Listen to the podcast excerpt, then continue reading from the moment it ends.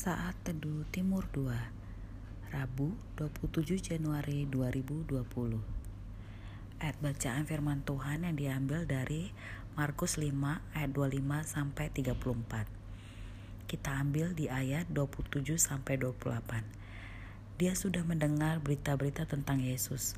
Maka di tengah-tengah orang banyak itu Ia mendekati Yesus dari belakang dan menjamah jubahnya sebab katanya asalku jamah saja jubahnya aku akan sembuh. Shalom saudara-saudari terkasih. Ayat firman Tuhan hari ini menceritakan kisah tentang seorang wanita yang sakit pendarahan selama 12 tahun. Di ayat 26 juga dikatakan bahwa wanita itu sudah diobati berulang-ulang oleh berbagai tabib.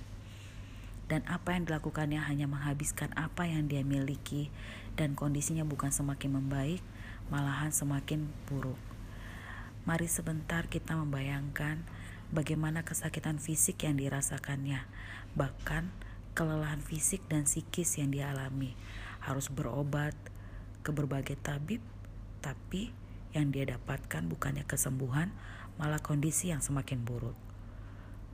Tidak hanya itu saja, tapi dia merelakan seluruh yang dia miliki, menghabiskan apa yang ada padanya, namun tidak menghasilkan apa-apa.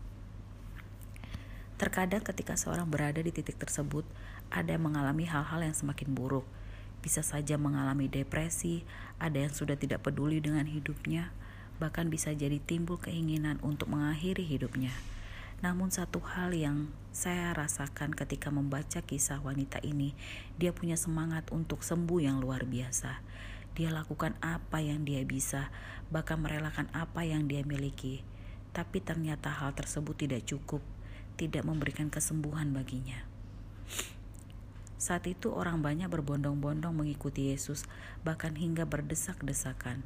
Wanita itu kemudian mendekati Yesus dan menjamah jubahnya. Dan ajaibnya, wanita itu sembuh secara supranatural. Apa yang membuat hal itu terjadi? Yang pertama, wanita ini memiliki semangat yang luar biasa untuk sembuh wanita yang sakit pendarahan 12 tahun menerobos rombongan yang berdesak-desakan saat itu.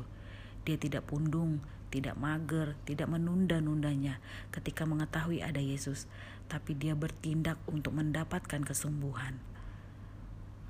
Tidak hanya itu saja, poin yang kedua adalah ada pengharapan dan iman. Wanita ini sudah mendengar berita-berita tentang Yesus.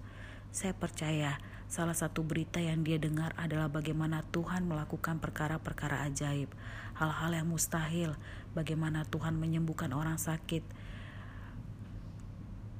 dan lain sebagainya.